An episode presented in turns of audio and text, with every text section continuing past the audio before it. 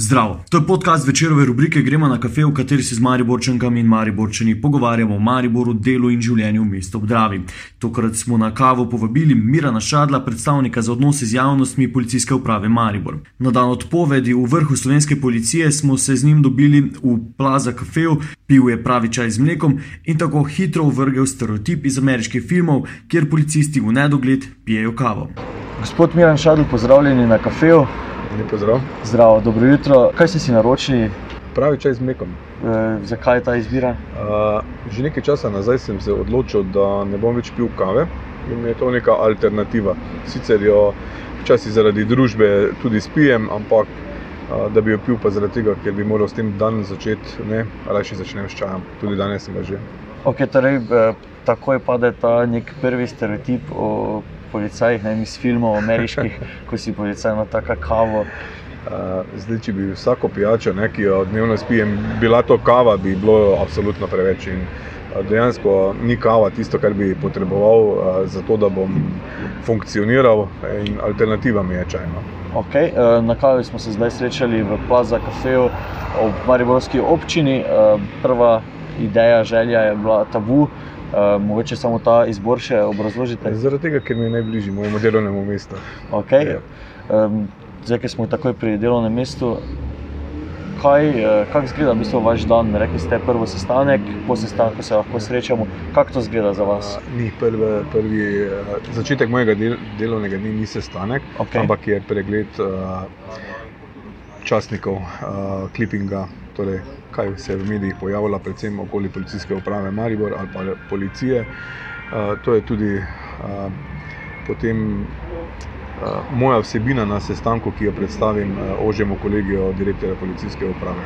Torej, na tem sestanku se zberejo vodje notranjih organizacijskih enot, to so zraven direktorja njegovega pomočnika, še uh, šef kriminala, šef uniformirane policije, potem vodja operativno-komunikacijskega centra, vodja službe direktorja, da je nekakšen kabinet direktorja.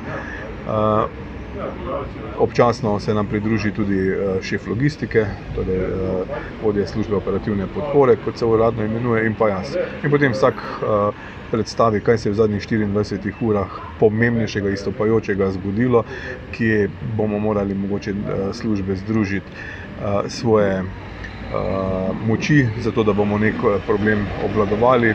Pogovorimo se o tem, kaj nas čaka v prihodnih dneh, kakšni varnostni dogodki se nam nakazujejo, kako bomo k temu pristopili. To je to.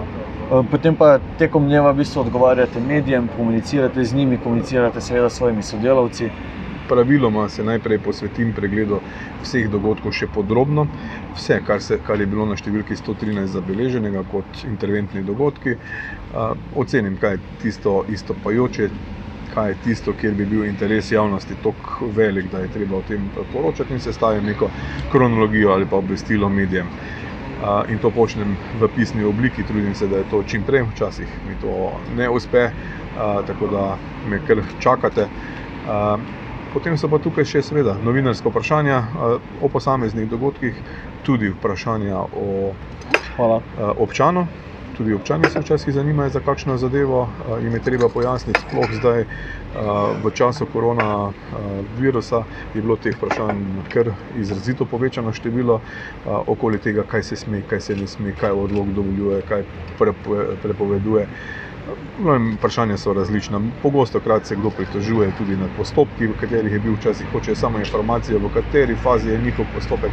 Če lahko poskušam to odgovoriti, če se ne da jih napotim na pristojne službe oziroma tja, kjer pričakujem, da bodo odgovor dobili. Eno od področji, ki ga pokrivam, je tudi delo z študenti oziroma raziskovalna dejavnost v policiji. Torej, tisti, ki želijo dobivati neke statistične podatke, anketirati, intervjuvati moje kolege za potrebe diplomskih nalog, magistrskih, doktorskih, te zadeve grejo praviloma tudi skozi moje roke. Če ravno imamo na Policijski akademiji posebno službo, ki se s tem ukvarja, je tudi po tem, ko pridobijo od njih dovoljenje, potrebno dobiti dovoljenje še od policijske uprave in se dogovoriti za posamezno enoto, kjer se bo to dogajalo da se dogovorijo in termini, in sestanki, vsebina, da se preveri, da niso neki podatki, ki ne smejo uh, biti uh, zajeti, uh, bili uporabljeni. To je to. Potem pa različne izjave, dominijske konference, organizacija različnih intervjujev z mojimi kolegi. Um, in ob izrednih dogodkih um, nimate počitka, ne? ste veliko krat na voljo, biste 24 ur na, na dan. Praviloma sem 24 ur na dan na voljo, temu primerno imam tudi prilagojen delovni čas. Oziroma, moj delovnik uh, uradno sicer šteje 8 ur, vendar imam potem odrejeno tudi pripravljenost na delovnem mestu, uh, na domu kar uh, nekateri sicer zmotno razumejo, da sem na voljo potem vsem, da doma naredim še eno službo, pa temu ni tako, na voljo sem svojemu delodajalcu. In pa uh, za to, da obveščam javnost res v tistih nujnih uh, dogodkih, uh, ko je treba javnost ne budoma obvestiti, opozoriti na kakšne nevarnosti in kaj podobnega. Ali pa po večjih dogodkih, praviloma so to v Mariboru večje nogometne tekme. Uh, pred leti so bili to tudi protesti, ko ustanovimo tudi operativni štab policijske uprave, ki vodi vsa ta varovanja. Tam sem praviloma član tega štaba in sem takrat pač na voljo tudi za vse informacije, tako novinarjem kot občanom. Um, zdaj, če ste začeli kot policist ne, v, v tem uh, fohu, uh, to pomeni, da ste bili tudi v Tacnu. Uh, torej, jaz nisem obiskoval Tacna, okay. sem, ampak uh, osnovno, če govorimo na začetku moje kariere v srednji šoli, sem uh, jaz naredil šolo za policiste, ki je bila takrat na Kotnikovi v Ljubljani. Okay. In sem seveda začel kot policist, če govorimo o moji karieri uh, v policijski upravi Nova Gorica, kamor sem bil pre, iz tega okolja preseljen. Po nekaj letih sem potem zamenjal policijsko upravo, to je zaradi ustvarjanja družine. In sem dolga leta deloval na policijski postaji v Škofi Loki kot policist, vodja policijskega okoliša, policist, kriminalist. Praktično sem dal skozi vse te stopnje, na kar sem pa res odšel v Tacn na višjo policijsko šolo, se tam izšolal za višjega policista in takoj po šolanju nadaljeval tudi študij, potem na fakulteti za varnostne vede, tam eh, diplomiral in spet takoj nadaljeval še eh, na drugi stopni in naredil magisterij, tako da trenutno je moja izobrazba magister eh, javne uprave. Um, ste skozi to pot um, se srečevali, oziroma bili sošolci, poznate koga iz tistih let, ki je zdaj na nekih visokih, višjih položajih? Seveda, uh, policisti uh, negujemo te uh, odnose, tako sošolci. Uh, Iz tiste šole za policiste, iz više policijske šole, tudi kasneje, ko hodimo na različna uh, usposabljanja, včasih so to vem, 14-dnevna ali pa z prekinitvami, lahko traja tudi mesec ali več. Mi se med seboj poimenujemo pod sošolce in res gojimo te odnose, se tudi srečujemo, organiziramo si obletnice in ta socialna mreža no, se kar uh, uspešno širi med nami. Lahko kako ime, kdo je bil? Kdo bi bil? Uh, zdaj od sošolcev. Uh, tako da je splošni javnosti, širši javnosti znano. Ne vem, zdaj, mogoče najbolj znan je verjetno bivši direktor policijske uprave, s katerim smo dolgo leta sodelovali, ki je trenutno direktor uprave uniformirane policije uh, za vso Slovenijo. Ne. Ne vem, sodelavec, uh, s katerim smo. Prehodila marsikatero pot, v, tudi v Škofi Loki je bil Boštjan Linda, do nedavnega direktor uh, uprave kriminalistične policije. So različna imena, ki mogoče ta trenutek mi tudi ne padajo na, na, na um. V glavnem, bolj kot ne se vsi med seboj eh, v policiji poznamo, uh, že zaradi tega, ker se res srečujemo na, nas, na različnih sestankih, usposabljanjih, uh, skupnih nalogah. Uh, vem, včasih je potrebno tudi za kakšne naloge, ki, v katerih sodeluje več policijskih uprav, se srečujemo tudi tam. Uh, tako da res. Uh, so ta poznanstva zelo prisotna. Okay, pot vas je potem pripeljala v Maribor, um, tukaj zdaj širši javnosti se poznani kot uh, tiskovni predstavnik uh, Mariborske policijske uprave. Uh, kaj, kakšna znanja je bilo potrebno imeti za to funkcijo, kakšna audicija, kako kak bi se izgledalo, vseeno ja. nastopate ja. pred kamerami, v izjavah, pogovarjate se z mediji. Uh, torej, um, po zaključku višje policijske šole sem se najprej zaposlil oziroma bil premeščen na operativno-komunikacijski center policijske uprave v Kranju. To je 113, ta center, če kdo ne pozna po imenu. Tja sem bil premeščen tudi zaradi tega, ker sem se vmes preselil v Maribor. In potem sem se kar tri leta vozil iz Maribora v Kran. K sreči so tam službe 12-urne, torej ruski turnus, kot se temu reče. Bilo mi je nekako lažje, ker je potem nekaj manj služb, kot pa če bi delal po 8 ur. In potem v nekem trenutku se je pokazala priložnost, da sem lahko zamenjal spet policijsko upravo in se preselil, torej dobil delovno mesto bližje domu in pričel z delom na policijski upravi Maribor, spet v operativno-komunikacijskem centru na telefonski številki 113 in spet tukaj opravljal naloge tri leta. Ni bilo predvideno, da bom jaz nekoč na tem delovnem mestu, vendar če se spominjate, takrat to je bilo v času teh mariborskih protestov oziroma takoj po zatem, ko je moj predhodnik nenadoma zamenjal službo nenapovedano, odšel drugam in je ostalo to delovno mesto nezasedeno. Seveda je sledil razpis, na katerega sva se iz policijske uprave prijavila dva oziroma dva sva prišla v tisti ožji izbor. In sledila je seveda avdicija. Ta avdicija se opravi na generalni policijski upravi v Ljubljani, kjer najini takratni vodje pa vodja sektorja za odnose z javnostmi in pa kolega Drago Menegalija, ki je predstavljen za odnose z javnostmi za področje kriminalitete, torej za vso policijo, sta opravila te intervjuje. Enostavno dobiš neke tekste, od pomembnih gradiv do nepomembnih gradiv, preverijo te, ali znaš izluščiti iz tega, kaj je tisto, kar bi javnost zanimalo, kar je pa mogoče neki balast. Preverijo te tudi tvoje javno nastopanje, s tem, da se zaigrajo neke neprijetne situacije. In v tistem, na tisti avdiciji sem se očitno pokazal kot boljši kandidat in zasedel to delovno mesto. Temu pa potem sledijo različna usposabljanja, ne. Nobenega posebnega izobraževanja ni bilo pred tem, vendar so pa sledila v nadaljevanju torej različna usposabljanja iz javnega nastopanja, ki jih organiziramo znotraj policije. Znotraj policije imamo kar nekaj takih strokovnjakov, ki to organizirajo tudi za druge sodelavce in se potem po različnih nivojih tudi nadgrajujejo ali pa nadaljujejo. Tako da predstavniki za odnose z javnostmi smo tisti, ki naj bi bili najbolje usposobljeni za to delo, torej nastopanje pred kamerami.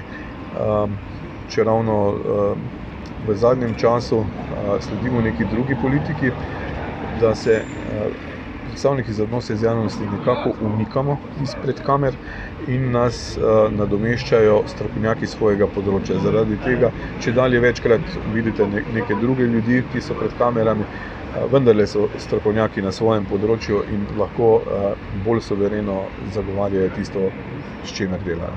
Kaj opažate, da vas vseeno ljudje prepoznajo tako na ulici? Ogromno ljudi me prepozna in moram priznati, da mi je včasih nerodno, ko me kdo pozdravi, pa ne vem, kdo je bil, ali pa nekdo ima občutek, vsaj zdi se mi tako včasih, kot da sem jaz tisti, ki ne želim odzdraviti. Žal mene ljudje poznajo, jaz drugih ne poznam in v določenih situacijah je res to lahko malenkost nerodno, no. Kaj, prej ste že omenjali ta poročila, ki jih pošiljate medijem, zdaj, kdo vam pripravi te odgovore, to vse sami pripravite, če vam pošiljajo recimo policisti, kolegi policisti, koliko morate vi kaj to popravljati, kakšen je ta protokol? Kar se tiče obvestil ali kronologije o dogodkih, ki so se zgodili v zadnjih štiriindvajsetih urah, jih praviloma pripravljam sam. Tukaj gre za opis dogodkov, ki so se pač zgodili, in tukaj ne rabim neke posebne pomoči. Na novinarsko vprašanje ali pa vprašanje določenih občanov, če so te vrste, pa mi pripravljajo odgovore same službe znotraj policijske uprave. Torej če gre za področje kriminala, bo to kriminalistična policija, sicer uniformirana policija, ki se pa potem znotraj spet deli, ne na oddelek za državno mejo in tujce ali pa oddelek za cestni promet, pa imamo oddelek za posebne, za splošne policijske naloge. Lahko pa tudi policijske postaje same, če so obravnavali nek dogodek samostojno, brez tega, da bi se v delo vključila tudi policijska uprava. Moje delo je seveda potem, da preverim, da je to vse v nekih pravnih okvirih in pa uh, pogosto krat žal moram igrati tudi lektorja. dobro, to, tako je bilo zastavljeno vprašanje, da približno vemo, ampak dobro, takšno je vaše delo. Um, zdaj ste menjali, ste v bistvu tri te uh, različne, recimo okoliše, um, štiri, celo ne, Kran, Škofjeloka, Gorica, Maribor. Um, se odnos do policijske uniforme v teh krajih kar razlikuje, kakšen je recimo v Mariboru, če smo bolj specifični? Um, Izkušnje v Mariboru uh, imam jaz bolj skope, kar se tiče, kako eh, ljudje dojemajo uniformo na cesti, ker nikoli nisem delal uh, na, na, torej na terenu. Uh, moral bi priznati tudi to. Uh, v obdobjih, ko sem jaz, se pravi v začetku 90-ih let, uh, stopil v te vrste, takrat milice ali pa policije, uh, se je spremenilo v tem smislu. Takoj po osamosvojitveni vojni je bila policija izredno priljubljena. Kamorkoli smo prišli, smo bili res dobrodošli. In potem je začel ta trend nekako padati. Vse zdi se mi, da je temu tako in da kljub temu, da policija v statistikah a, ima zelo visoko mesto a, po zaupanju javnosti v delo državnih organov, se mi zdi, da je ugled policije kar nekako padel, oziroma si mogoče ljudje tudi na nek način dovolijo nekaj več nastopa do policistov. Gledano skozi to, bi rekel, da mogoče se pravi, ugled policiji pada ali pa zaupanje ne, to ne morem reči, ugled da bi pa med upravami lahko primerjal, bi pa rekel, da je zelo podobno. Okay, um, vseeno, da vem, kot smo že prej rekli, postajate neko obraz te mariborske postaje oziroma uprave. Um, je kak poseben tak pozitivni dogodek v zadnjih letih, ki se vam je pripetil? Zdaj, eden od teh je, če vas spomnim na to zadevo pri Ropu, banke blizu Trasta, ne, ko ste postali zaradi Danice Šela, kolegice novinarke Spop TV, tudi viralni uh, video, v katerem ste sodelovali. Pa še moče, če se vi kakšnega takega dogodka spomnite, uh, ker pogosto se pojavljate v negativnih uh, zadevah, negativnih novicah. Je pa še moče kaj drugega uh, za omeniti? Torej, ta dogodek z Danico Ksela je res uh, uh, bil zelo odmeven verjetno bi se našel še, še kakšen. Um, mogoče v zadnjem obdobju ne, se um, lahko tudi sami promoviramo uh, ali pa predstavljamo tudi tiste dobre zgodbe, ker odpiramo neke nove kanale. Uh, torej, z tem, ko smo stopili na uh, področje družbenih omrežij, torej, odkar uporabljamo Facebook profil, Instagram, uh, Twitter, uh, lahko tudi sami neke dobre zgodbe uh, predstavimo uh, javnosti, tiste, ki so včasih mogoče bile zaradi različnih uredniških politik tudi zamovčane, pa so se izpostavljale res samo negativne zgodbe, lahko danes uh, govorimo tudi o dobrih. Zagotovo ena izredno lepih izkušenj. Pa mogoče prevečkrat zamovčana je projekt policijske uprave Otroška varnostna olimpijada. To je delo z otroci, z četrto šolci osnovnih šol iz celega območja policijske uprave Maribor. V preteklosti se je poskušalo to širiti tudi na Slovenijo, pa nekako to potem ni zaživelo. Ampak to je nekaj dni, dva, tri tedne dela z otroci, kar je res poživito delo. Torej, da od tistega ni nekih slabih informacij, nekih poškodb, žrtev, tragedij, zbežiš v nek na neko drugo področje. No, in tudi tam sem prisoten, in to je tudi eno takih področji, no, ki je lahko pozitivno. Je bilo kdaj vam eh, težko stopiti pred kamero, pa da ste rekli, da to pa res ne morem, pa, pa, pa ste potem vseeno zaradi službene obveznosti to naredili? Ja, se dogajajo tudi uh, taki primeri.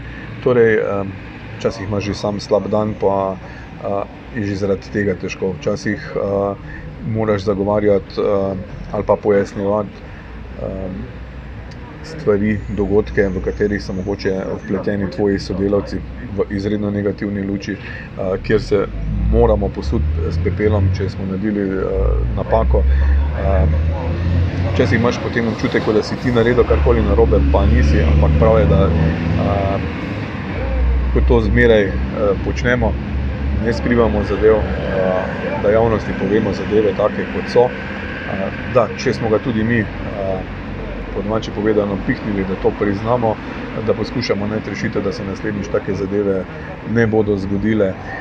Uh, pridejo pa tudi trenutki, ko je treba stopiti. Uh, pred kamero, ko te sam dogodek uh, pretrese, ko nekako se dotakne tudi tvojih čustev in takrat uh, so res uh, je težko. No?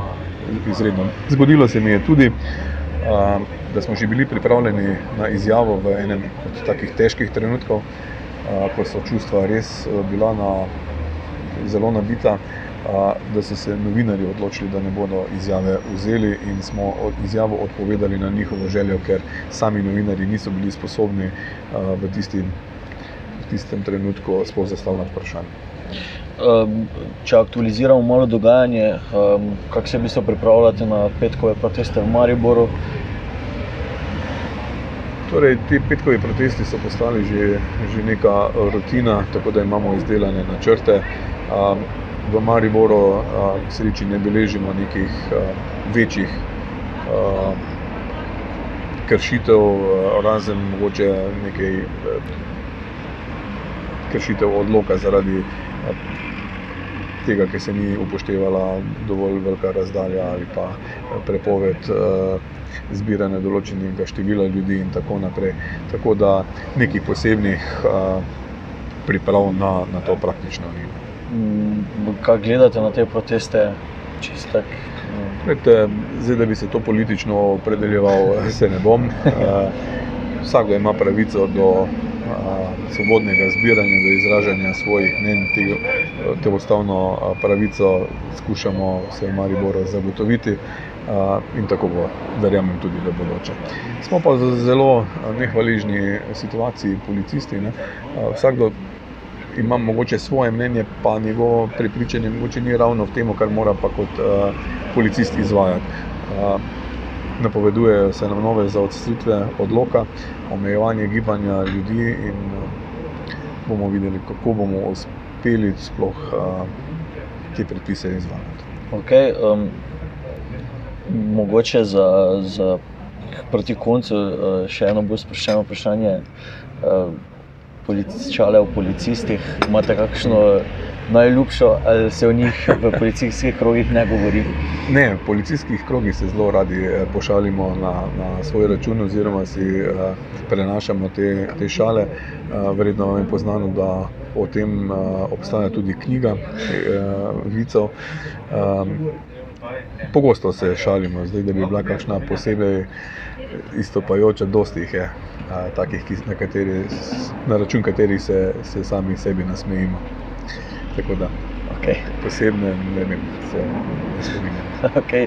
Kako vam je živeti v Mariboru, kako se počutite v mestu Obdravi? Jaz pravzaprav nisem, ne živim v Mariboru, ampak Aha. živim v Miklaužu. Okay. Počutim se pa Mariborčana.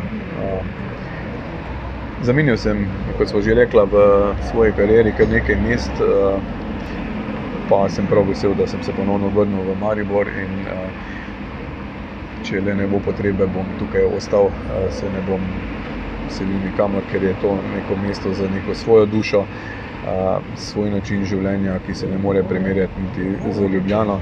Me pa žalosti, da pogosto, ko se tudi sam sprehodim po Mariboru, začutim vsaj v določenih predeljih neko mrtvilo. Uh, zdi se mi, da se.